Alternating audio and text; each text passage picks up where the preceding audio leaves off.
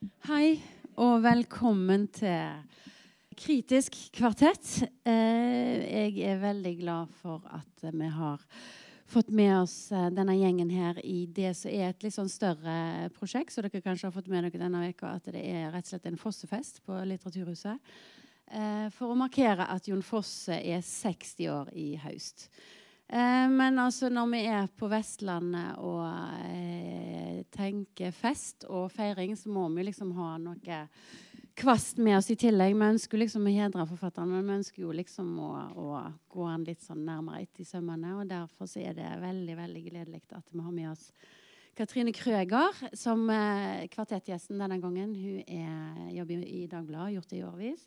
Og ble kåret til årskritiker eh, i år. Eller så har vi jo en veldig fin gjeng. Eller så er den faste gjengen det er altså Frode Helmich Pedersen og Karina Beddari, gode kollegaer i Morgenbladet. Og så er det Erik Vassenden, UiB, som Frode hører til. Um, på stolene deres så ser dere at det ligger et program, så der er hele oversikten over alt som skjer i uh, denne veka, helt fram til lørdag. Så jeg håper dere får med dere mer enn dette. Men altså, først og fremst velkommen til Kritisk kvartett, og vær så god, skyt løs. Takk skal du ha, Margunn. Um, det er altså en uh, Fosse spesial.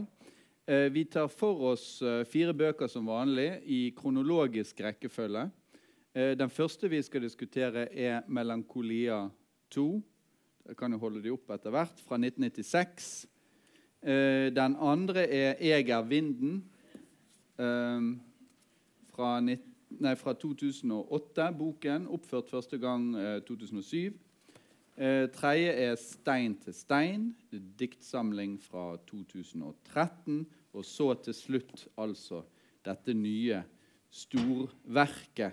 Det andre navnet, som altså er de to første bindene av septologien. Vi begynner med 'Melankolia 2'. Katrine, kan du fortelle oss uh, litt om den? Her må jeg være kjapp. Ja. Mer tabloid enn Dagbladet. Det sier jo ikke mye. Eh, det er eh, del to i en roman om eh, stavangermaleren eh, Lars Hertvik. Eh, veldig kort om Melankolia 1. den er delt i tre. De to første er perspektivet til Lars Hertvig, Et fra Düsseldorf, en ulykkelig kjærlighetshistorie.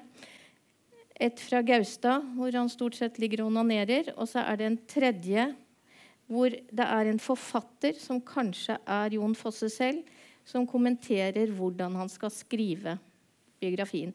Jeg opplever den som en sånn ganske til Fosse å være ganske vanlig romanbiografi. Altså Riktignok med alle disse gjentagene, og sånn, men jeg syns den er Den var ikke noe sånn spesielt eksepsjonell. Men 'Melankolia 2', der han, har han begått en uh, genistrek, mener jeg. Han har funnet opp en søster til Lars Hertvig. Hertvig hadde ni søsken, men han har funnet opp da en tiende. Ho Oline. Ho Oline er eh, gammel. Eh, veldig kort. Altså Handlingen er så skral at den er parodisk, som ofte med Fosse. Eh, Oline det er vel fra Stavanger. Hun eh, har hentet eh, to fisk som hun skal hjem og eh, koke og spise. Hun går opp en bakke med disse to fiskene som hun har fått av Svein Fiskar. Hun møter sin svigerinne Signe, som er gift med Sivert, en annen fiktiv bror. Signe sier at Sivert ligger på det siste, og Sivert vil gjerne snakke med Oline. De har ikke snakket med hverandre på mange år. Lars er død. Eh, Oline eh, tenker eh, at ja, det må hun jo gjøre, men må først komme seg hjem og få gjort noe med denne fisken. Og så må hun det som er mest presserende, og som går som en sånn rød tråd gjennom hele boka. Hun må på veslehuset. Hun må kort og godt bæsje. Og det er eh, Jeg skal lese noen av disse setningene, for det er Dette er handlingen i et nøtteskall. Hun overdriver nok bare litt, hun Signe, tenker hun Oline ikke sant? når Signe sier han skal dø. I alle fall må vel komme heimom med fisken først. Og det presser jo litt der nede, så hun skulle være, vært en tur heim, innom veslehuset òg først, ja. Og neimen om hun Oline vil gå på veslehuset hennes Signe, nei, det vil hun ikke, tenker hun Oline. Nei, det vil hun ikke, tenker hun Oline. For å komme seg hjem med fisken, så får hun ta seg en tur på veslehuset. Og dette er eh, på en måte fosse i et nøtteskall òg. Det er jo disse gjentagelsene som jeg kan bli litt smårar av, og som gjør at jeg har store problemer med å gå løs på en bok av Fosse. Denne var så tynn at det gikk. Men så er det altså en helt nydelig tekst. Den handler om å bli gammel. Eh, Oline kommer seg jo aldri på do. Det går i buksen, og hun har potte. Altså det derre slitet med å få i seg mat, at hun skal på do. Hun glemmer at Juan Sivert skal dø. Og så er det det aller vakreste i boka, det er de der erindringsglimtene til barndommen, hvor hun snakker om Lars som ung gutt. Eh, det er nok fiksjon fra Fosses side, men det er altså et helt nydelig kunstnerportrett, syns jeg. Eh, denne oppveksten på Borgøya eh, kvekeroppveksten til Lars Hertevik. De var ni barn, lutfattige. Eh, både det derre eh, sinnet hans eller det han er Oline skjønner seg ikke på ham. Dette er sett med et barns blikk, på en måte. Eller Olines eh ja, gammelmannsblikk. Han blir borte, eh, han er vrang, og så er han snill. Altså, du merker den der tvetydigheten hos Lars Ertvik, dette vekslingen såkalt mellom lys og mørke. Og så er det altså en sånn nydelig måte å skrive om kunst på. Det å være kunstner. Blant annet så har Lars viser Oline noen sånn bilder han har laget på noe rekeved. Eh, med den usikkerheten en maler kan ha. Eh, og det er sikkert veldig vakre ting. Eh, og så sier Holine, sånn som barn kan si, at hun Ja, det er vel fint. Altså den der uvitenheten. Og så kaster Lars da rekveden på sjøen. Eh, og det er flere sånne ting. Hun har bl.a. et bilde, et maleri, hun fikk av Lars eh, da Lars var gammel. For hun har også noen sånn glimt tilbake til det. Da var Lars Altså, jeg vet ikke, kjenner dere Lars Ertviks skjebne? Stort sett. Han ble eh, han var en begavet kunstner. Han ble lagt inn på Gaustad. Han endte på Fattighuset i Stavanger, hvor han gikk og skar ved for, ja, hugget ved for folk og tagg tobakk og sånn. Eh, og så fikk han en gang litt tobakk av Oline, og så ga han henne et maleri som henger på veslehuset, av en hest. Og da tenker Oline, sånn som veldig mange alminnelige mennesker kan, av, av oss som ikke er billedkunstnere, kan tenke om bilder, at det er ikke noe spesielt med det, eller det er vel bare noe likegyldige greier. Og så er det faktisk et nydelig maleri, og det får stor betydning etter hvert. da. Eh, jeg har mer å si om den, men, men, men, kanskje dere kan bare komme med noe inniblant, dere òg. Ja, hva sier du, Karina? Er enig i at dette er en, nydelig, en nydelig genistrek fra Fosses side? Ja. oh, nå ble jeg lettet! jeg syns at det er hans Hvis jeg må velge én roman av, av Fosse, så blir det den. Det er en fantastisk bok. Eh, det er så eh, Sånn som du forteller om det, på en måte en enkel fortelling om å bli gammel. Eh, men samtidig en bok som er utrolig rik på tolkninger, både med det Tittelen er jo 'Melankolia', så, og melankoliens betydning for Hertevigs kunstnerskap eh, ligger der i alle de scenene som omhandler han. Og det er noe som Oline også begynner å oppleve når hun på en måte mister seg sjøl som gammel. Hun blir jo glemsk, og kroppen har hun heller ikke kontroll over lenger. Eh, hun kommer på en måte i kontakt med det fremmede på en lignende måte som kunsten. Da. Hele boka handler om ja, både hvordan kunsten og livet og døden setter deg i kontakt med det fremmede eller melankolien eller det andre. eller... Uh, Sluttscenen er jo en utrolig vakker dødsøyeblikk hvor hun både sitter og ser på de fiskeøynene som hun hun bærer med seg det fisken hun har kjøpt gjennom hele boka. De er på en måte et slags ledemotiv. Uh, og så ja, ser hun på de og det maleriet av Hertevig som nevnte. Idet hun dør og blir på en måte ett med både fisken og maleriet og døden. Ja. Veldig Og i 'Fiskeøyet' så viser også da både Lars Hertavik og uh, Gud, Herren i himmelen, seg Mm. for henne. Det er også et sånt sterkt religiøst uh, motiv i denne. Men Eh. boka virker ikke så religiøs likevel som helhet, eller? Nei. Det, er- her, er det, her er det et motiv mer enn det er en slags underliggende, et underliggende si, budskap. Eller Mm. i hvert fall ikke forkynnelse. Men, men det, det der stilistiske som er, er kanskje noe av det som slår hardest når man leser denne boken. her. Altså den, en ting er repetisjonen, og den andre ting er, er det som Fosse gjør i mange av sine bøker, men her kanskje med muligens med størst tyngde. Da. Dette at uh, han glir fra tilstand til stillstand, fra scene til scene, fra tidslinje til tidslinje på en måte som føles helt naturlig, og kanskje også er det for det, det sterkt demente mennesket, Mm. som her. Um, men, men som også har i seg Det åpner hele tiden sånne nye rom. eh, stadig vekk. Og, og selvfølgelig når vi leser det med, med, med plottet i bakhodet Oline som har kommet seg på do. Eline som har kommet seg ned for å si farvel til sin døende bror. Eh, og så alle disse avsporingene. Alt det som hun må gjøre. Og så, er sitter man som leser og er barnslig frustrert over at det ikke går fremover. Mm. Men det jeg må si da, etter at vi har lest en del samtidsromaner altså, ikke noen, noen av dere var her forrige tirsdag. Da leste vi jo fire nye norske romaner.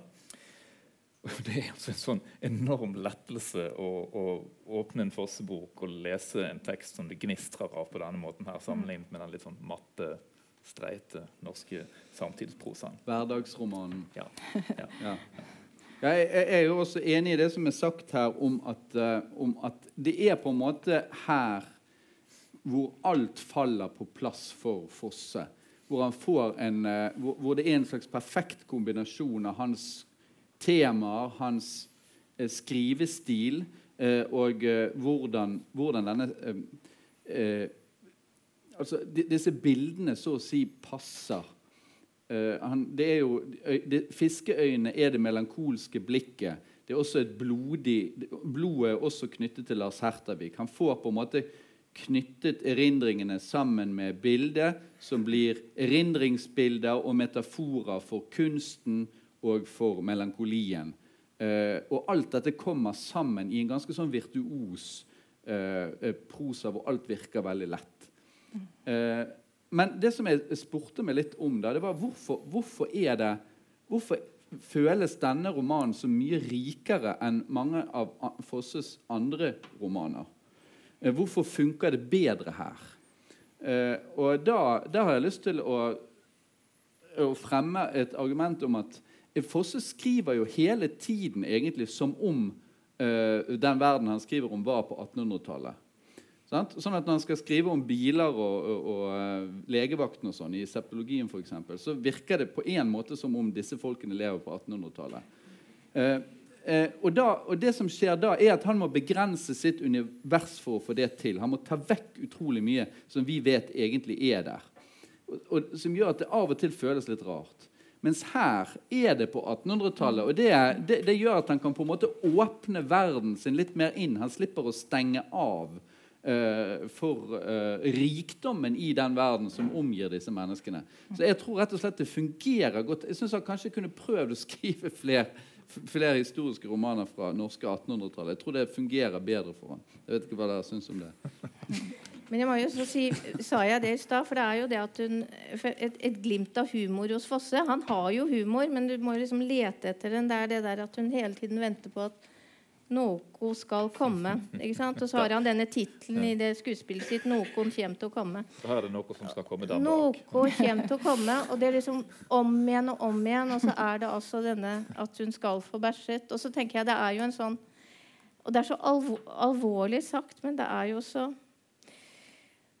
Stilig tenkt, og alle som kjenner eh, altså, alle, alle, Jeg jobber jo med gamle, for jeg er sykepleier også. Det må jeg bare få lov å si. Det skryter jeg alltid av. Eh, det som er basalt i menneskelivet når du blir veldig gammel, det er jo at eh, du skal få spist, og det skal ut igjen. Så det er jo også et Like mye som det er et kunstnerportrett, så er det kanskje noe av det vakreste som portrett jeg har lest av et, eh, et menneske hvor liksom virkeligheten glipper. Eh, Det der Hun husker ikke, og så husker hun, og så er det den der bevissthetsstrømmen. Jeg leste et sted også at eh, han av og til det er i den derre Stengt gardin er jo noe av det samme. Det der, for Han skal jo ned til Sivert. Nei, hun skal ned til Sivert og si farvel til ham. Eh, og man røper kanskje ikke for mye når man sier at hun selvfølgelig ikke rekker det. At det er det der litt sånn drømmeriske marerittet. ikke sant? At du aldri når frem dit du skal. Og det er jo noe av de nervene vi sitter med i boka. det der, Kommer hun seg ned til Sivert? Og det er jo en sånn helt eh, og det er jo helt tragikomisk nesten når hun endelig sitter der. Og han ligger der, og hun prater med han, og han selvfølgelig Hun er jo for sent ute. Mm. Det er ganske genialt gjort. Eller uten å bruke ordet genialt for mye. Ja, og så gjør han det til en altså En ting er jo at det er en altså det er en spesifikk erfaring. Ja. Den, den der så å si, demenslogikken, Ja, ja. eller hva man skal kalle det. Det kan jo kjenne igjen. Jeg er blitt professor, og da blir man distré, og da Mm. går liksom ting i oppløsning. og sånt. Men, men altså, han flytter det fra et sånt spesifikt erfaringsfelt og over i noe generelt. Da. Altså den, der, eh, den, den fornemmelsen av at verden ikke henger sammen, at verden går i oppløsning, og at man Mm. mister så å si tråden, den, den, blir et uttrykk for noe, noe allmennmenneskelig. Si, Mm. sånn. Eh, eller eller noe, noe som kan egentlig overføres til, til, til hvor som helst, hva som helst. Og så må man jo si at det er den der vekslingen der mellom det som sier det veldig konkrete, det veldig kroppslige og, og banale og, og, og, og, vittig vulgære, og det der svevende, flytende eh, Følelsen av at tanken kan gå hvor som helst. Eh, det er den der tosidigheten som gjør dette til en eh, Noe av det som gjør dette til en så god tekst å lese. Og så må vi ikke glemme at den, også, den begynner ganske streit.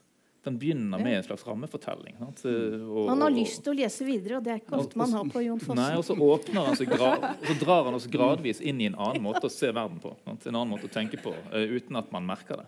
I motsetning til den andre tekster der man liksom blir man blir trykket et, et litt annet univers opp i ansiktet fra første side.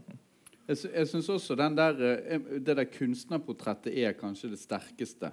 Altså den der stirrende gutten på Borgøy som, som da helt uten å ha fått noe som helst slags stimuli fra noen, selv lager maling av eh, kull og blander det og, og, og finner disse barkebitene hvor han lager skyer. Jeg er ikke helt enig med deg i at han, at han blir skuffet over søsteren. Jeg, jeg, eh, det er mer det at han, er, han er, fremstår som overlegen overfor søsteren. Han har en stor glede av å vise disse, men han legger ikke noe vekt på hennes vurdering, og, sånn som jeg leser den. Eh, Nei, men men, og, at, og det at han kaster det, viser jo bare det at, at han, har, uh, han har den der uh, merkelige blandingen av kreativitet og destruktivitet som kjennetegner veldig mange store kunstnere. Nonsjalanse overfor eget verk. Ja, hun er hele tida en slags realitetsorientering for han. For hun spør på en måte, når han er i sitt kaos, og spør hun hvordan går det, hva kan du si om det, og han bare dette kan ikke beskrives. Mens i løpet av romanen, når hun har blitt gammel, så kommer hun i kontakt med noe av det samme. Da. Det er i hvert fall sånn jeg ser ja. men jeg tror det har noe med mottagelse av kunst å gjøre. Noe av det Fosse vil si der. ikke sant? Altså, eh, at det er et rableri når han gir henne dette Ja hestemaleriet. Og at veldig ikke sant? Det er jo en sånn klisjé at man for Holine sier ja, dette kunne jeg ha malt selv. ikke sant? Og det sier man jo veldig ofte om malerier man ikke helt skjønner betydningen av. Så han får jo sagt veldig mye om hvordan kunst mottas av uvitende mennesker. Og det der å være en ung gutt og vokse opp altså Det eneste far Kveke-faren var opptatt av, var jo at Lars snek seg unna og ikke jobbet. ikke sant?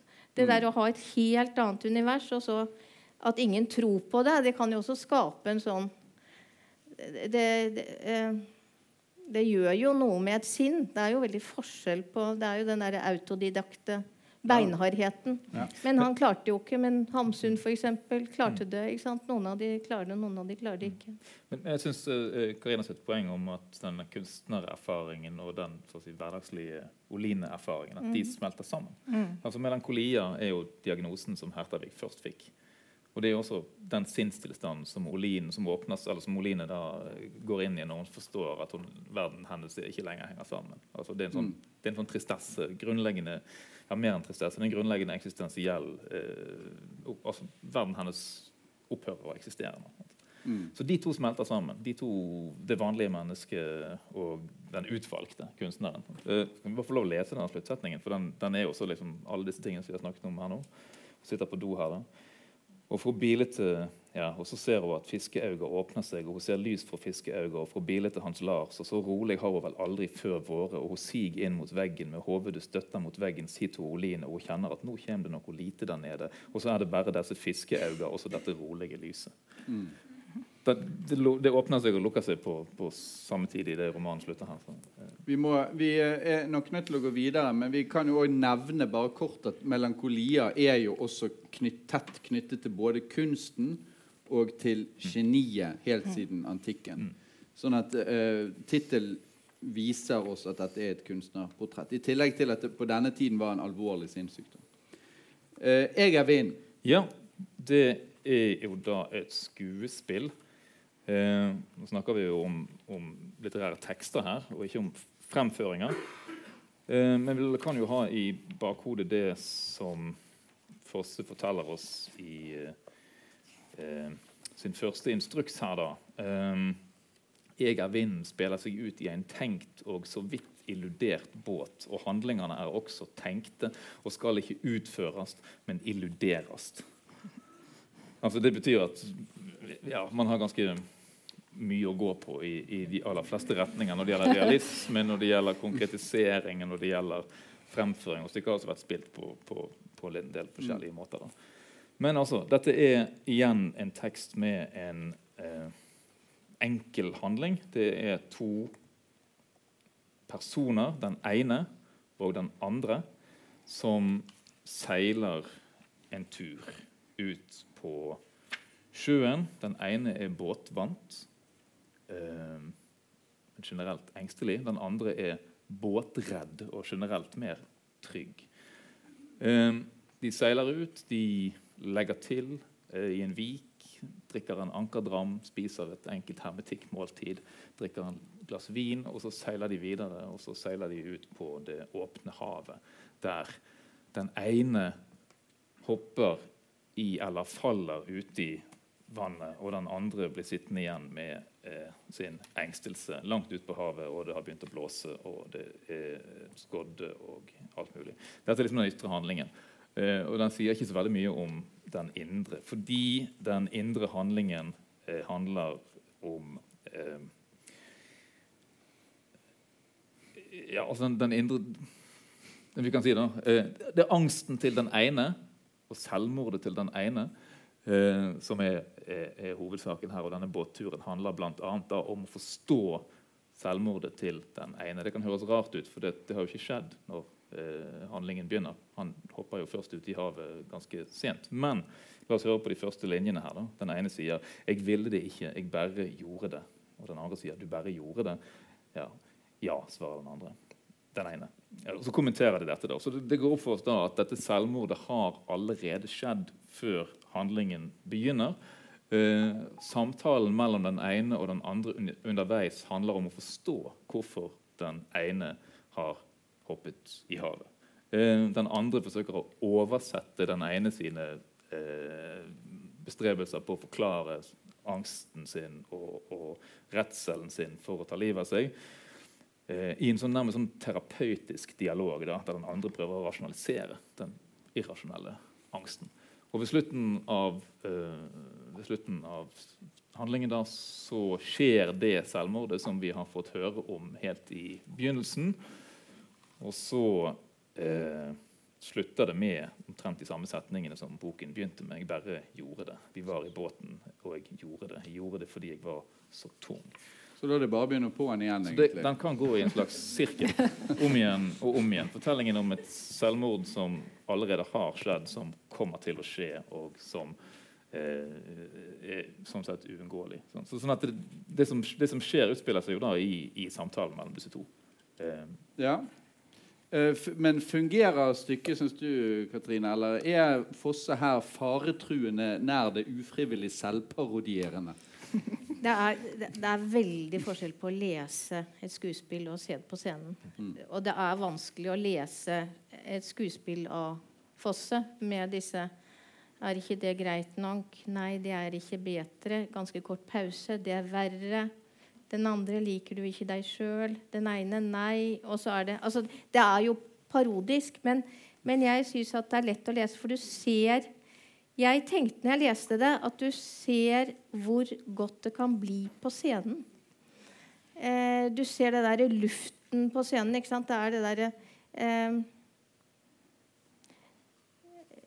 jeg tror det, det, det, Du ser at det er et scenisk spill. Men akkurat som tekst så fikk jeg mest assosiasjoner til sånn terapitime. Mm. At liksom den ene eh, Den andre er terapeuten. Er ikke det greit nok? Den ene Nei, det er ikke bedre. Eh, den ene Liker du ikke deg sjøl? Altså nesten en sånn parodi på en sånn psykoterapeut som gjentar og spør og sånn. Så hvis man leser på den måten, så, så er det jo ikke bra i det hele tatt. Ja, altså, for jeg, plutselig, når jeg fikk det på hjernen, så fikk jeg helt sånn Men er ikke det bra som, eller interessant som, som parodi på terapien? Ja, ja, jo. Men det er jo ikke en Ja, så du parodi. sier, nei, nei altså, Men stemmen til den andre er sånn for du sier at du føler deg tung. Kan du Ja, forklare litt mer? ja, ja, det Eh, er, jo, det er jo Så hvis du bare leser teksten, så blir det jo kjemperart. Men det er jo et skuespill. Karina? Nei, jeg, altså, jeg vet ikke Eller jeg har ikke sett det oppsatt heller, da. Så kan ikke konkludere for bastant. Men jeg tror ikke at jeg ville likt det da heller. Som, som uh, oppført på en scene. Ja, hva er problemet? Problemet er akkurat det du sa, at det er ufrivillig selvparodierende, eller komisk. da. Ja. Uh, og man får jo ikke, ikke noe særlig innsikt i hvorfor dette selvmordet skjer, bortsett fra at han føler seg tung og som en stein. Og, Mm. ja, jeg har lest litt grann av en sånn svensk kritiker, Leif Sern, Sern. ja, som har skrevet mye om Fosses stykker, og hvordan han bruker selvmordet kanskje som en slags protesthandling. og at uh, det ligger en slags uh, resignasjonsekstase i det. og la, la, la. Men uh, jeg finner ikke det i denne teksten. da. Det, Resignasjonsekstase Nei, Det hørtes kanskje litt voldsomt ut. Noe som en akademiker litteraturviter kunne Ja. finne på å si. Ja. Ja, ja jeg, jeg liker denne teksten. Altså, jeg har lest den uh, mange ganger og undervist i den og alt dette. Og kanskje liker jeg den fordi at den er såpass undervisbar. Eh, det er noe, disse, mønst, disse mønstrene og disse sirkul, sirkulære bevegelsene og, og det der, de der repeterte tingene. I tillegg til at man kan altså Jeg syns opplagt at det gir mening å lese det som en slags, en slags parodi på forsøket på å rasjonalisere angsten. Men, men, Rasjonalisere men når du sier parodi, så, så, Eller- eller- så reagerer jeg. Eller altså. iscenesette, da. For det- det det, litt, det litt latterlige i å, å skulle Ja, men, forstå. jo, men dette er et stykke som er preget av det jeg vil si er gravalvor. Altså. Når han sier, altså, det er ikke noe eh, Dette er ikke en leken parodi på Nei. en terapitime. Men dette, dette er metafysisk alvor fra Fosses side. Svært vanskelig å akseptere for oss ironikere. Men må, må, Jeg, lo, jeg, jeg ler høyt flere ganger, og det tror jeg ikke er meningen. Altså. men det finnes, det, fi- Når han det sier sånn der eh, 'Jeg vil si deg noe', og så er det pause. Ja, men- men, jeg veit ikke hva det er. Da tenker jeg litt sånn her OK. Jo, Men- forstå, forstå, men det finnes, det finnes jo eksplisitt eh, humoristiske scener i denne boken. her? Altså Et av de aller vanligste motivene når folk er på sjøen, altså et av de vanligste morsomme scenene som oppstår når mennesker er på sjøen, er når eh, kapteinen står og dirigerer, og assistenten skal prøve å eh, legge til. For da er, det, da er det kjefting og smelling, og så er det noen som faller og slår seg. Og her er det også. Den, den ene skal styre båten, for han er trygg og god. Den andre skal stå foran og hoppe i land med tau og, og legge til. Det, det, det er slapstick. Sant? Den er jo ikke spesielt supermorsom, men, men det er jo det er ment som en morsom scene.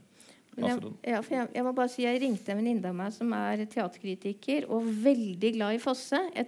Og så leste jeg, så, så sa jeg kan du svare på meg hvorfor, hvorfor er Fosse så god? Hva er det med Fosse som gjør at han er så elsket som dramatiker?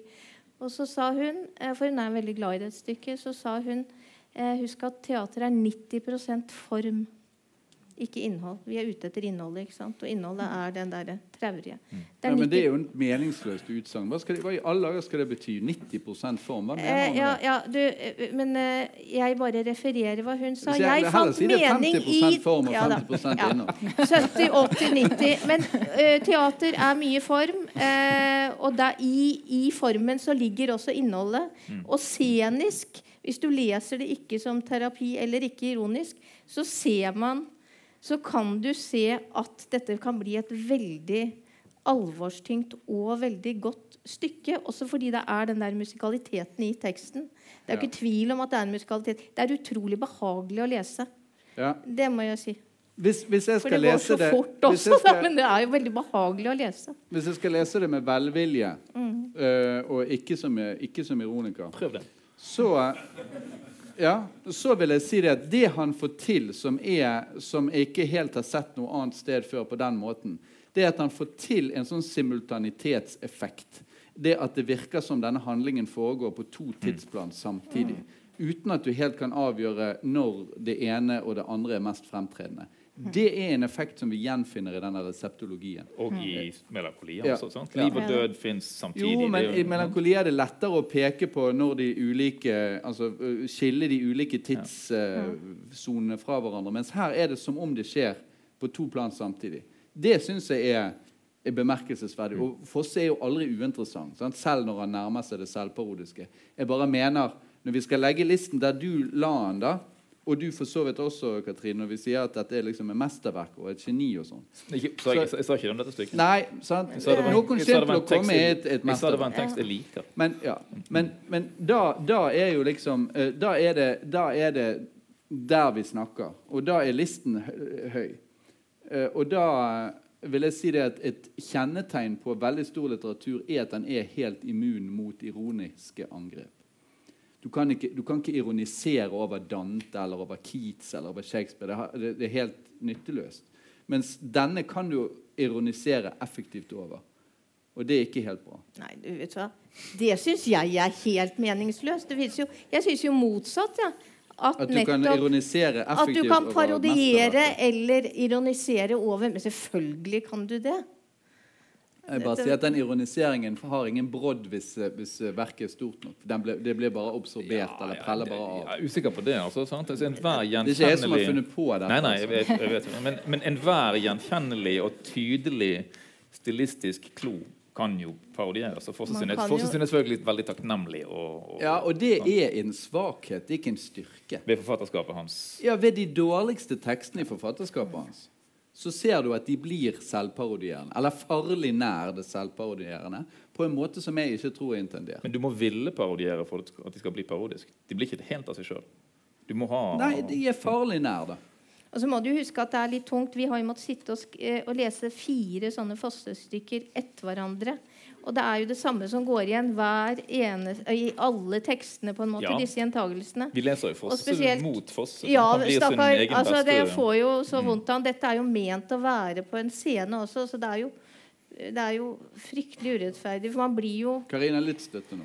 Ja, men Det er jo utgitt som litteratur. Det er ikke kun, det fins jo som litteratur òg. Det er ikke kun for scenen. Ja, jeg, jeg trenger ikke gjøre dette til en Jeg trenger ikke gjøre dette til en forestilling for å like den. Altså nå eh, kan, Vi kan også diskutere dette på litt eh, andre premisser. Sant? Eh, vi trenger ikke lese det så bokstavelig som vi har gjort. Det fins en, sånn, en del tolkningsmuligheter her som vi ikke har vært inne på.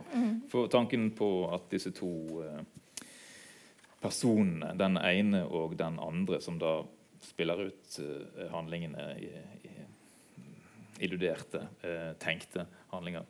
Det er ikke urimelig å lese dette som, som en slags sånn automonolog. Sant? Altså at det er det én Det er en person, person. Ja, to sider. Ja, men den ene er jo båtmann, mens den andre ikke er båtmann. Ja, ja, men altså, man kan være, man, På livets skip. På livets skip. det går fint an å være engstelig og trygg på samme tid. Jeg går ut fra at du også har opplevd det fra tid til annen. Ja, absolutt. Ja, men det gjør det ikke så mye bedre likevel. Nei, men det Jeg har er ikke, jeg har ikke oppfattet meg selv som både båtvant og ikke båtvant på en og samme tid. Det kan ikke jeg si noe om. Men, eh, men, eh, men eh, Nei, altså Det at et verk kan parodieres, er ikke noe avgjørende. sånn Men du syns vel ikke at dette er Jeg syns ikke dette- Effektivt Ja. parodiert. Ja. Jeg syns ikke dette er Fosses aller sterkeste tekst. Det, Nei. det synes jeg ikke. For jeg- For eksempel, Noen kommer til å komme som, som har vært nevnt som, som et av hans kanskje Beste drama. ett av de, Men det er også fordi det første. sant? Så Han, han har jo en hang til å gjenta seg sjøl, og ikke bare sånn fra setning til setning, men, men fra verk til verk. sant? Jeg syns at Ja, er prosaen fungerer bedre enn dramatikken. Og, rett og slett. Stein og vind og Vi skal jo ja, over Ja. på en diktsamling etter hvert. da. Ja, eh, Vi kan gjerne gå over til diktsamlingen hvis Mm. dere ikke syns at uh, vi nå er noe vi ikke har fått sagt. Det er jo eh, det, det, akkurat det der, det der med den reisen til slutt i er ut mot sjøen, hvor den ene pusher på. Den minner om en sånn der Odyssevs, eh, denne mytiske Odyssevs etter han har kommet hjem til Ithaka, som du finner i Dante, som Fosse er veldig opptatt av. Og som er på en måte en sånn slags vill erkjennelsesreise som må ende med, må ende med et sånt skipbrudd. Jeg vet ikke om dere har noe å si om den. Om Jo, det, det eh, ligger noe der. Det ligger noe der, og den minner også om en annen scene fra en annen Fosse-tekst, nemlig eh, oppløftelses himmelfartsscenen fra morgen og kveld. Eh, som den er ganske lik. Sant? Så, som også er ute på sjøen, og som også er disse to skikkelsene. Den ene er død, og den andre er levende. Og så viser det seg at de var jo døde begge to. Sant? Altså, Det er også viktig å tenke at disse Fosse-tekstene spiller på og med hverandre. Sant? Eh, og de utfyller hverandre. og, og Eh, men det går, vi kan selvfølgelig ikke si at vi må lese alle Fosses tekster sammen for å få utbytte av dem, eller for å Nei, at de skal bli gode. Nei, jeg vil heller si at det er en fordel å ikke lese absolutt alle, for det er jo de samme temaene som går veldig mye igjen. Og det er et litt begrenset uh, litterært univers i min vurdering.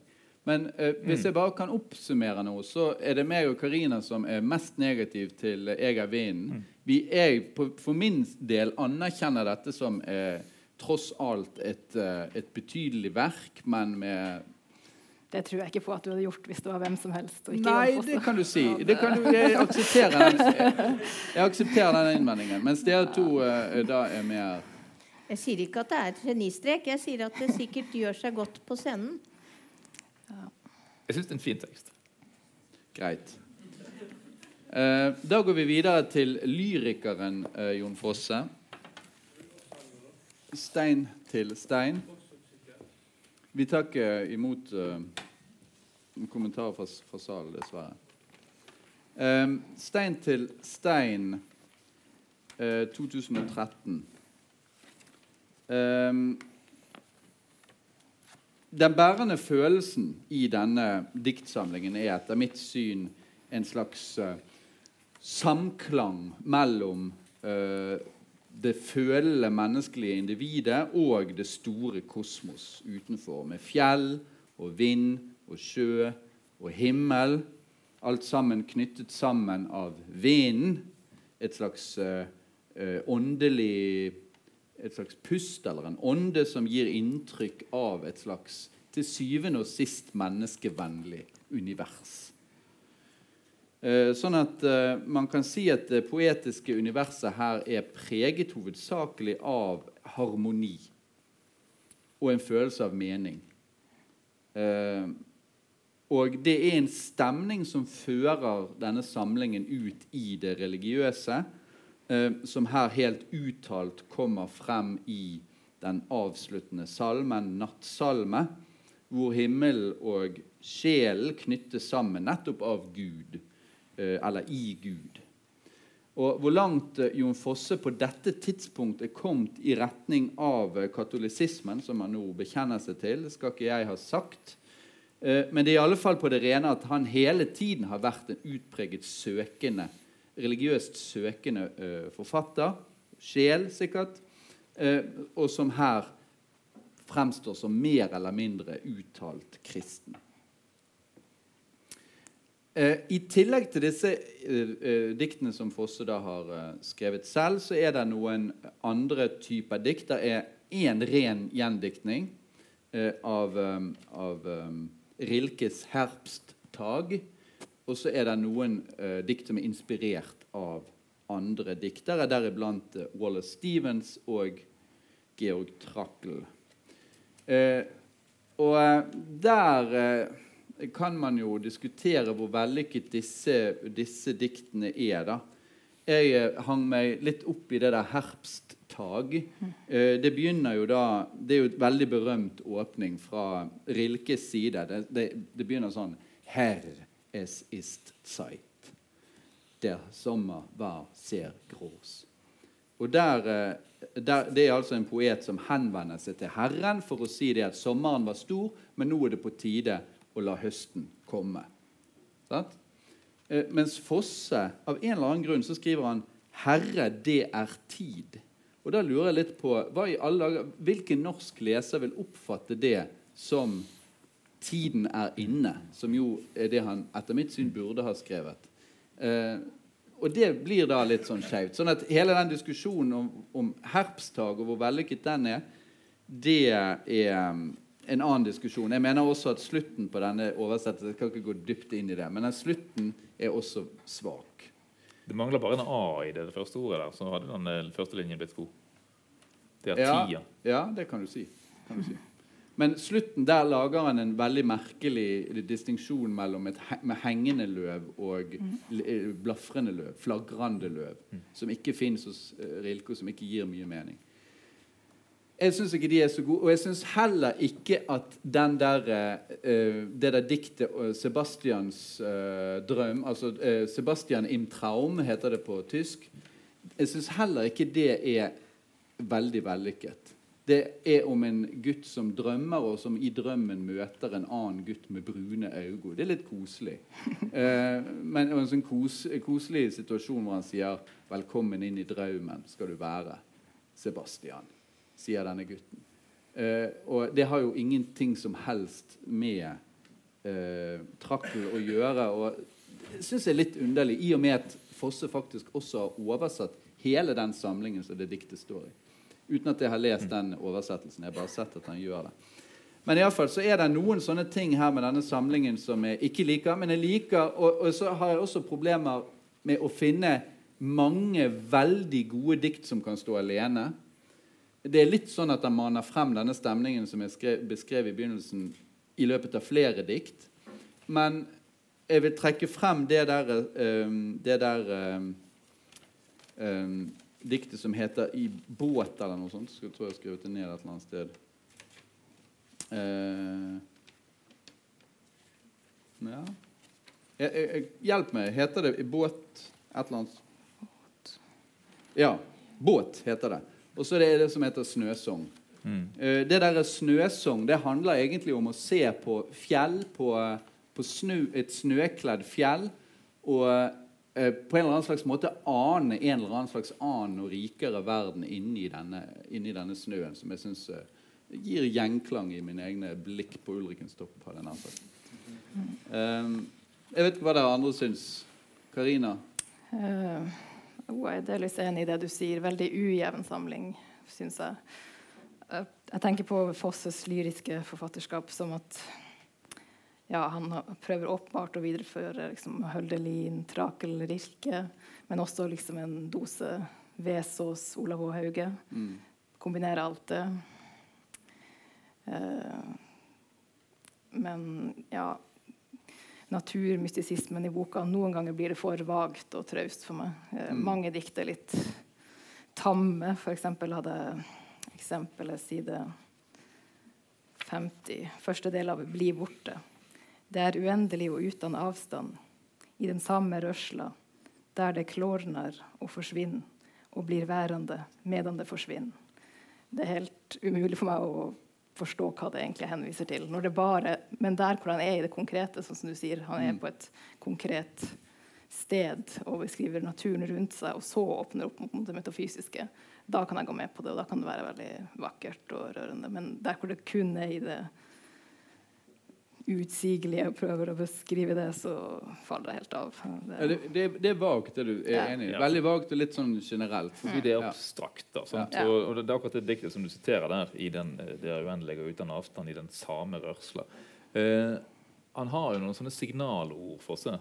Eh, noen som peker i ene retningen eller i andre retninger. Sant? Og, og så har han noen sånne ord som mer fungerer litt som sånn fyllkalk. Eh, Og rørsle er et Mm. av de. det, et sånt, liksom, sånt, det, det kan egentlig bety hva som helst. Mm. Det, det er litt uforpliktende, men det, det har en sånn poetisk kvalitet i seg sjøl. Men, men så er det litt slitt, da.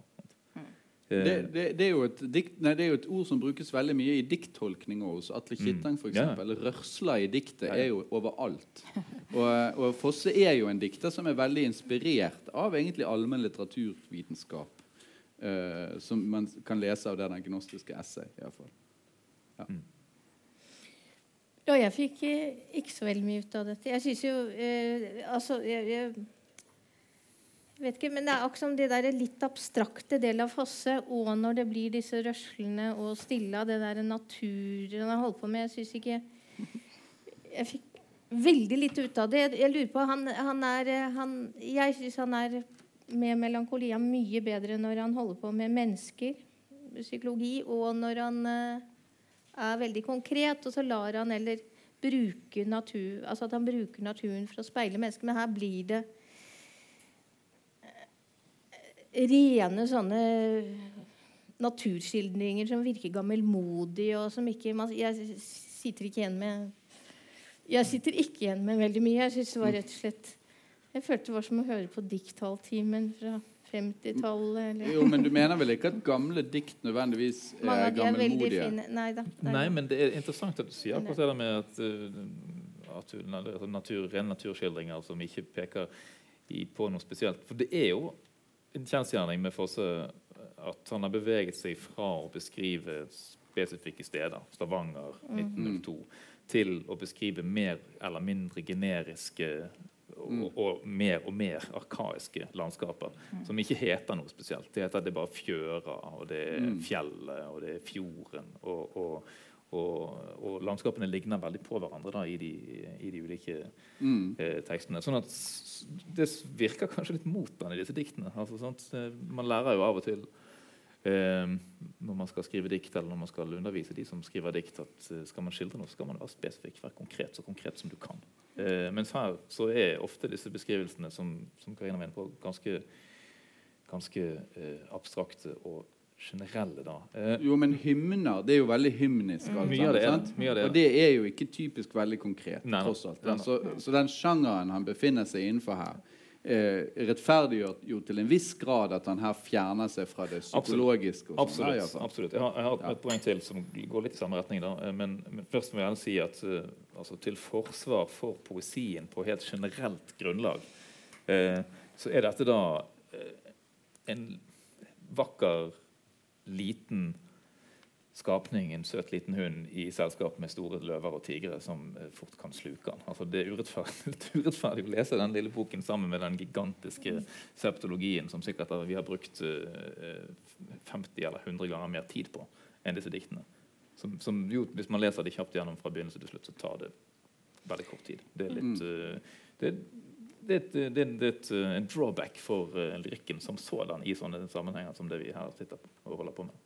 Eh, så det er vanskelig å yte dem rettferdighet fordi vi ikke eh, bruker eh, alltid nok tid på dem. Men det jeg skulle si da, med, som, som går i retning av, eller i forlengelse av det du sa der, Frode, om at dette hymniske preger disse tekstene. Ja, jeg, jeg tror nok ikke betydningen av det religiøse her kan overvurderes. Altså det, det er tungt til stede i, i disse tekstene, her, som det er i veldig mye av den scenelyrikken til, Mm. Jeg tror det kom ut akkurat da han uh, gikk ut og sa i intervjuet at han var blitt kristen. Og, ja, Ja. Mm. Samtidig med den boka. Ja, for akkurat Én ting er er, den nattsalmen som det munner ut i. Altså, Da har det liksom blitt konkret og blitt tydelig og, og bekjenner seg konvensjonelt, da nærmest. sant? Sjangermessig. Men det fins mye her annet som, som et dikt som heter 'Et andlet åpner seg', som jo er en slags sånn gudsvisjon. da, sant? Et andlet åpner seg over sjøen, fjellene og bakkene. Et andlet åpner seg med skyer og vind i håret. Eh, det store andletet bøyer seg ned mot oss og ander sin vind inn i oss. Skapelsesmyter i alle eh, former. Og vi ander og ander det store andletet, og vi skjønner sjøl om vi ikke ser. Dette er jo pietismens trosbekjennelse. Vi skjønner selv om vi ikke ser. Altså, altså vi forstår Eh, ikke fordi vi ser det og analytisk kan begripe det med vår fornuft, men fordi vi tror.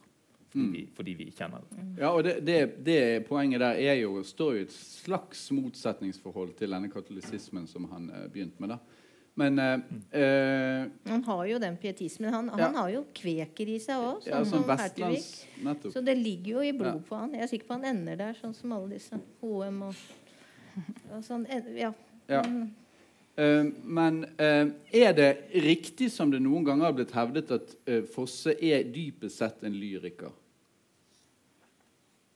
Jeg syns det er et merkelig spørsmål. Er man enten dypest sett dramatiker, lyriker eller prosaist? Altså for eksempel Herman Broch er jo en elendig lyriker og en stor romanforfatter, men han visste ikke det selv. Ja, men du, jo, du kan jo bruke lyrisk språk i romanen òg, så sånn sett ja, men, men det er ikke poesien Ja, som er la meg stille det litt annerledes. Eh, liker du lyrikken eller eh, romanen eller skuespillene? Romanene Romanen? Ja, der ser du. Det var ikke så vanskelig. For ut ifra disse fire så er jo absolutt den svake For det sies jo at han egentlig er poet, så jeg skjønner jo Ja, godt ja. spørsmålet. Ja. Men den svakeste er jo poesien hans. Men det er jo fordi disse bildene blir så pompøse og store og vamlende og vage, på en måte, syns jeg. da. Altså at de er liksom så Ja, du sier er at han er, han, er, han er egentlig lyriker, men diktene hans er det svakeste. Ja, ja nei, men alle sier jo at han er prosa. poet i altså, det, det sier man jo. Han Ja. er jo poet i bunn. Ja. Eh, og det er han sikkert, men de kler ikke poesien. De kler alle Men i, kanskje det er også en sånn, en sånn floskel som man bruker hvis man liker Ja. språket til noen. Ja. Eller han er jo veldig billedrik, da. Ja. Ikke sant? Man sier det som Vesaas. Han var den første egentlig poetforfatteren i norsk litteratur. Ja. Som har det til felles med eh, Fosse at eh, altså vokabularet hans, hvis man bare teller forekomster av enkeltord, og sånne ting, er ganske lite. Ja. Eh, altså De har et, et lite kjernevokabular eller kjernerepertoar som de knar på, og som de, og som de gjør mye ut av. Men som også innebærer at det er ganske mye repetisjon. Og litt begrenset, Ja, det kan være begrensning. Men én ting ja, til om ja. boka. Det har akkurat kommet ut en sånn CD av Sandra Kolstad, hvor dikt fra denne boka synges til en slags ja, elektropop. Det funket faktisk veldig bra. Det er en, En ja, CD. ja, eller et album, da. En arkaisme. Ja, jeg skjønner. Ja. Eh, og det, det, det, den likte du. ja. Ja. Hvis vi skal oppsummere, da, eh, så er jeg må si at jeg ville, Hvis jeg skulle lest om igjen og om igjen eh, disse bøkene, så ville jeg heller lest 'Stein til stein' om igjen enn 'Jeg er vinden'. Så sånn sett så vil jeg si at jeg liker 'Stein til stein' litt bedre enn 'Jeg er vinden'. Enig. Karina er enig med meg hele dag. Få se. Ja, altså jeg har lest uh, 'Jeg har vinden' mange nok ganger, uh, så jeg vil heller bruke tid på stein til stein. Ja. Jeg ville gjerne sluppet å måtte sitte og lese de om og om igjen hele tiden. Ingen av de. Nei. Jeg kunne, sett, jeg kunne hørt, hørt den og sett det på scenen. Det kunne jeg. Ja, ok. Vi eh, beveger oss videre til uh, the grand finale, uh, nemlig uh, det stor, eh, begynnelsen på det nye storverket, det andre navnet. Septologien 1-2. Hva sier du, Karina? Hva handler det om? Det andre navnet, septologien 1-2, det inneholder altså bok 1 og 2 av i alt sju bøker, som skal utkomme i tre bind. Til sammen skal det være ja, rundt 1500 sider, kanskje enda litt mer, så vidt jeg har forstått. Det andre navnet det er en bok av en helt annen karakter enn Fosse sin nyeste prosa. Mens de tre fortellingene i triologien, de tre siste romanene han har gitt ut, kokte en konsentrert kraft på tradisjonen, og da særlig bibelhistorien, historien, sper Fosse på med mange flere skildringer i sin nye roman. Den er langt mer ekspansiv. Her er han litt tilbake i samme drive som i Melankolia-bøkene fra sent 90-tall. Selv om religion er like tilstedeværende som i trilogien. Historien foregår også denne gangen i en uspesifisert tidsepoke, men en litt mer moderne verden trer frem her. Vi befinner oss i Fosse sin vanlige versjon av Bergen. Bjørgvin, der byens kro heter Siste båten. Restauranten har det eh, smålåtne navnet Mat og drikke. Hotellet Heimen. Mobiltelefoner er det ingen som har, eh, men robåten, en vanlig ingrediens i Fosses universer, er blitt erstatta med bil. I rundt over 500 sider så kjører jeg-fortelleren Asle, maler og katolikk, frem og tilbake mellom husværet på Dylgia og til Bjørgvin, der han besøker den alkoholiserte malervennen som også heter Asle. Det er forholdet mellom de to navnebrødrene som driver boka. Og dobbeltgjengermotivet styrer romanen inn i det mytiske og mystiske landskapet vi kjenner fra Fosses tidligere bøker. De to Aslan kan på samme måte som i Egervind, leses som to sider av samme person. Og navnebroren i Bjørgvin han er den kristne Asles vrengebilde. Eh, hjem når han, Asle nummer én, som bor på Dylga, er hjemme der, så kan han plutselig se for seg sin venn i byen som om det var han sjøl. Og begges tanker refereres i teksten, eh, men selve jeg-stemmen tilhører egentlig Asle på Dylja alene. Mm. Og Asle Bjørgen han er da alkoholiker, kan ikke leve uten sprit og lever bare så vidt med den. Eh, det er på en måte som om han lever det livet som Asle på Dylja har valgt vekk. Han ble omvendt i katolisismen av sin avdøde kone Arles. Og han er også en tidligere alkoholiker. Så som dere skjønner, hvis dere har lest en del Fosse, så går navnene som er blitt brukt i veldig mange romaner, igjen her også, uh, men uten at man kan si at personene er de samme. Dobbeltgjengermotivet gjelder heller ikke bare de to, to versjonene av Asle, men også en kvinne som fortelleren møter i Bjørgvin, som legger an på han, som også er litt alkoholisert, og hevder at hun har hatt noen netter med han i tidligere livet.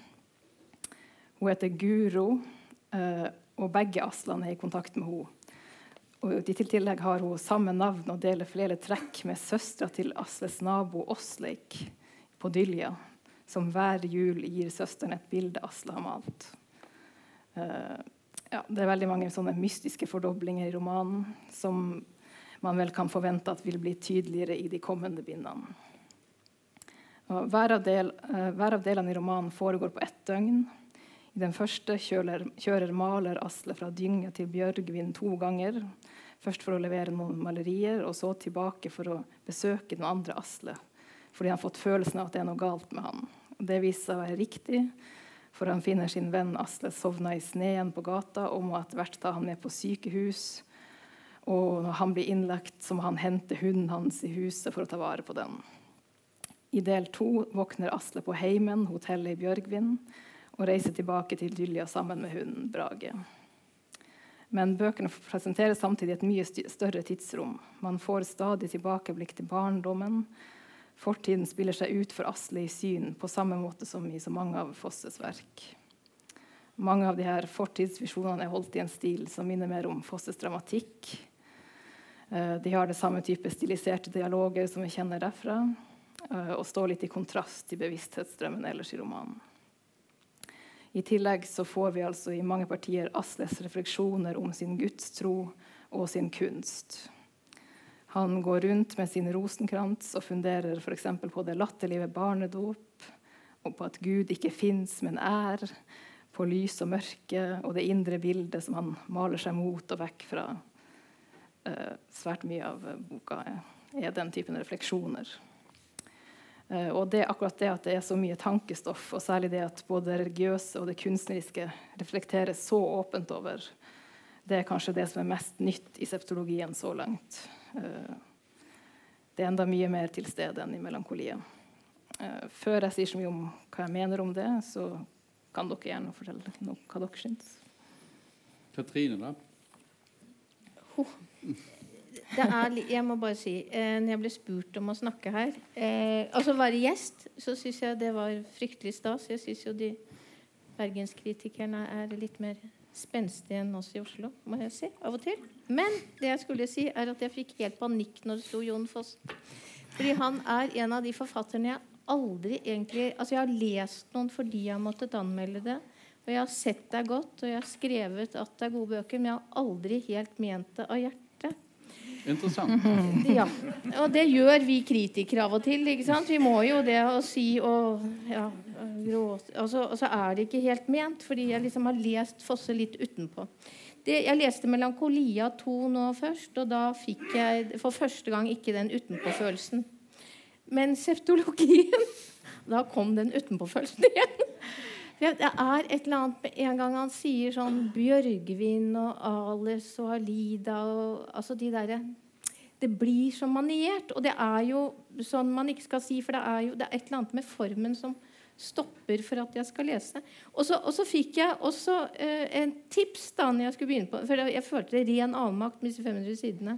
Og da var det hun Fosse-venninnen min som er så veldig glad, så sa hun bare les det fort. Les det fort. Eh, for det, ikke driv og dvel, for det skal ikke dveles med. Bare les det fort. Jeg ble jo kjempeglad for det. Så jeg har lest kjempefort. Eh, og da er det gode ting og gode bilder inniblant, men det der å dvele med den teksten, det, det fikk jeg ikke til. Så jeg fikk ja, Der ble det sånn å bare hoppe, for man kan egentlig bare gjøre sånn som i Bibelen, og så gjøre sånn, og så ser du noen gode setninger. Ja. Så sånn sett er den god. Ja. Men, men eh, ja, vi, vi, Eirik, vi ble vel enige om at det gikk ikke an å lese den så veldig fort. Den er fort. veldig vanskelig å lese fort. Ja, Men jeg slapp å si hva den handlet om, for det gjorde Karina. For den er krevende å, å henge med. Eh, nettopp fordi at de der bevegelsene fra et nivå, tidsnivå eller handlingsnivå eller person, ja, en personerfaring eller en erindring til en annen, de, de skjer så glidende og så brått, og plutselig så er, er du et annet sted. sant? Altså dermed så Forsøk på å akselerere opp uh, fører til at man blir, blir stoppet igjen. Da. At man liksom he- må hekte seg på igjen. Det, det er noe det, altså, det, jeg- oppfattet dette som en, som en tekst som det er ganske tungt å lese. Eh, eller den tok tid. da. Det tok tid å lese. Jeg, jeg, jeg registrerte til min overraskelse at Knut Hoems uh, anmeldelse for NRK eh, den overskriften 'En herlig fest uten punktum'. Det er eh, Det ikke helt så sånn. langt unna min erfaring av den. For det første så syns jeg det er ganske drøyt, og det går faen ikke an å kalle dette en herlig fest. Altså, det, Det er det motsatte av en herlig fest. Ja, dette det er, en, det. det er en en, en tung fest på børskafé. eksistensiell, eksistensialistisk kunst- og religions- og dødsmeditasjon Fosse har skrevet her. Det er ingen herlig fest. Det er riktig det med at det mangler punktum. Ja. Eh, men, eh, altså, men det går kanskje an å betrakte det som en slags sånn kunstreligiøs rus av noe slag. Eh, Mm. Det har jeg liksom tenkt meg frem til at det går an å, å, å se på det som. da. For man flyter rundt i en sånn der tilstand av at man ikke vil ha klare holdepunkter. Og det, det der arkaiske, generiske landskapet som han har nærmet seg og skrevet frem stadig mer fra bok til bok, det, altså, det, det gir oss liksom ikke noe å holde i det heller. Det heller. Nei, og det der er jo et slags lite paradoks. Det virker for meg som om Fosses følelse av det litterære eh, i stadig større grad forutsetter at den ikke så å si håndterer den moderne virkeligheten som omgir oss. At det er, det er på den måten han kan være litterær. Eh, og det, det er jeg litt skeptisk til, fordi, også fordi at han i bunnen på mange måter er en modernist fremdeles. Sant? Det er fremdeles mørke, det er fremdeles smerten, det er fremdeles det negative på mange måter.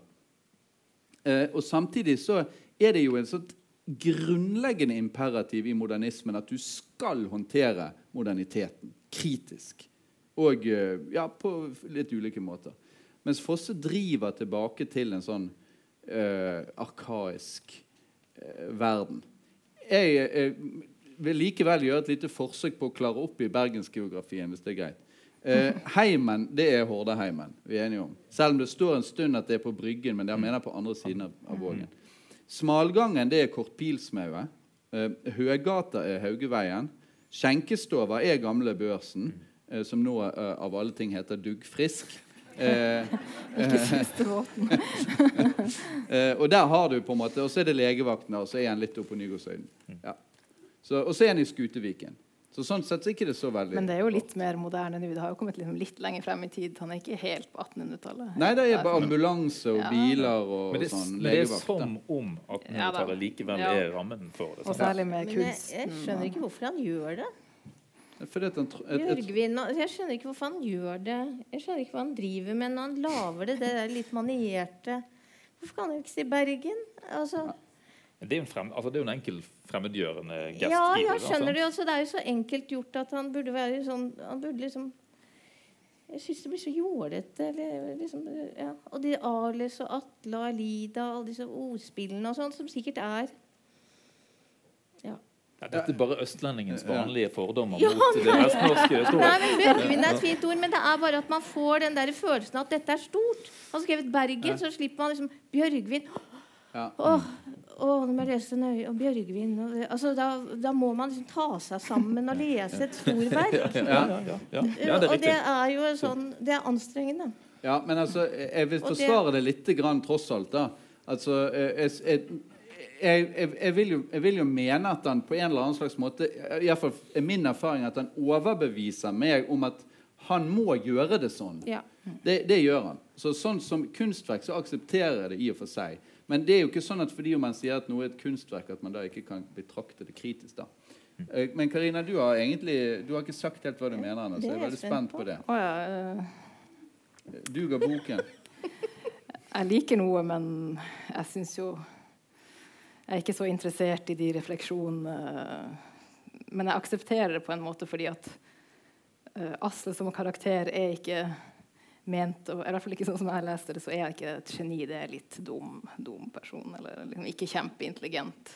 Han fem syns egentlig ikke som det. altså, det er ikke fantastiske tanker eller uh, Ja. Ja, jeg mener at Gud, Gud fins i lyset, og lyset fins i mørket. og sånn. Ja, det er litt, det er litt mer uh, sofistikert enn som så, må jeg si. Ja, det var Men- kort oppsummert. Men, eh, men hva syns dere om altså Nå skriver han jo Vi er enige om at han skriver veldig godt om kunst, eller malerkunst, eller så å si det, det ikke-vanlige med kunstneren i melankolia. Og det gjør han jo også her. Det er det som er tematikken i denne boken. her. Sant? Flertallet av sidene i teksten handler om eh, maleriene. Til, eller synet på, eller holdningen til, eller eh, måten andre ser på maleriene hans, og misforholdet mellom det han ser i de, og det andre ser i de, verdien de har, minnene som er koblet til de, ting som vokser ut av de. Altså Begge disse to første delene av, av septologien åpner med at han står foran et stort bilde som han nesten som i vannvare har kommet til å lage et kryss av brunt og lilla. Også I krysningspunktet mellom disse to fargestrekene så er det da en trer det frem noe lys og farger som man ikke har sett før. Også. En ny farge. ja. en, en, ja. Hva syns dere om han som kunstfilosof? Nei, jeg bare kort, kort uh, kommenterer at eh, problemet er at i denne boken så føler jeg at han snakker om seg selv som dikter, mens i 'Melankolia' så, så kjøper jeg at han snakker faktisk om en maler. Det er et godt poeng. Dette er jo, det er jo selvbiografi. Og så de to, Den ene er eh, om han hadde drukket seg i hjel. Disse to atlene. Sant? Den ene som er fordrukken og går til Asle, grunne. ja. Mm. Aslene. Ja. Og den andre som er katolikk og er hjemme. Og han har jo til og med sagt i et intervju at han kunne ikke eh, Han måtte skrive såpass fra seg selv, for det var så nært han at han måtte finne en maler og ikke Mm. eh, en poet som han selv. Men da har han snakket med billed, altså malere, bl.a. Håvard Vikhagen. Spurt veldig mye 'hvordan jobber du på atelieret?' og sånn. Og det syns jeg denne er mer preget av enn Hertevik. Han, han skriver jo bedre om bilder før han Mm. Før han skriver Eh, også om, om diktning. Ja, syns jeg, før, eh, før denne. Det jeg egentlig liker ganske godt, da, for det er jo den katolisismen sant, som går igjen hele tiden. Og den er jo Det er latin, og det er jo egentlig for eh, Det er gnostisismen. altså Virkelige teologer kan lese veldig mye ut av denne boka. Og det trenger man ikke. Man kan lese den fort, til og med. Men eh, jeg syns det er veldig godt den måten han liksom han kommer liturgien på Ave Maria. altså han, han får frem hva det er ved katolisismen som er trygt. Og det er det derre liturgien. Gjentagen. Gjentagende. Og det er det han selv gjør, og det er det han liksom gjør med disse katolske gjentagende. Og det er det jeg for så vidt også er fascinert av ved katolikkene. da. Eller som liksom har Ritualet. mistet Liksom. Hva? Ritualet. Ja, ritualet. Den derre tryggheten i ritualet. Den jevnheten. Og som kanskje er hans Kanskje det er derfor han er katolikk. Og som er hans viktigste stilistiske grep grep Ja. i tekstene. Sant? Det repetitive eh, motivene som går igjen om igjen og om igjen. Så det er jo også en slags, altså Alle hans hovedpersoner har eh, en eller annen form for uro eller angst eller depresiv beint ut depressiv eh, side ved seg. Sant? Og, eh, og, og det, det grepet der, da, det, det der gjentatte det der forsøket på å kontrollere det i, i språk, rett og slett. Da. Mm. Må jo kunne lese i en, en, i en sånn sammenheng der. Da. Uh. Men òg det, der, og det, det som jeg finner eh, pirrende fra et, eh, fra et leserståsted, er jo det der med hvordan han plutselig, selv om han er en jeg-person, plutselig begynner å, å bevege seg inn i andre folk. Ikke bare Asle, men også denne unge mannen på lekeplassen. som, også Det er, er jo Asle, det som også er ham selv. Ja. Ja, ja, men ja, det, er jo, siden, det er jo ikke avklart. Men, nei, det er ikke avklart. Nei, det er jeg, ikke jeg, har lest, har lest en del anmeldelser som Ja. på et slags overflatisk nivå bare presenterer dette som en historie om mennesker. Leser den bokstavelig. Ja. Du har Asle i byen, og så har du Ja. Asle på landet, og så har du en ung mann på, på, på lekeplassen, og så er det som om dette er en realistisk handling. Men det er jo ikke det. Nei, Men, men, men det handler jo om vennskap også, og om alkoholisme på en realistisk måte. Der, eller? Ja, absolutt. Men, men, og, og, altså det, men det er helt umulig å avgjøre hvor erindringsbildene blander seg med så å si den realistiske handlingen. Og det er helt også umulig å avgjøre hvor eh, hva skal man si det, hvor den ene personen begynner, og hvor den andre slutter. Eh, og særlig mellom disse Ja, to. Aslemalerne og de to mulige tidslinjene osv.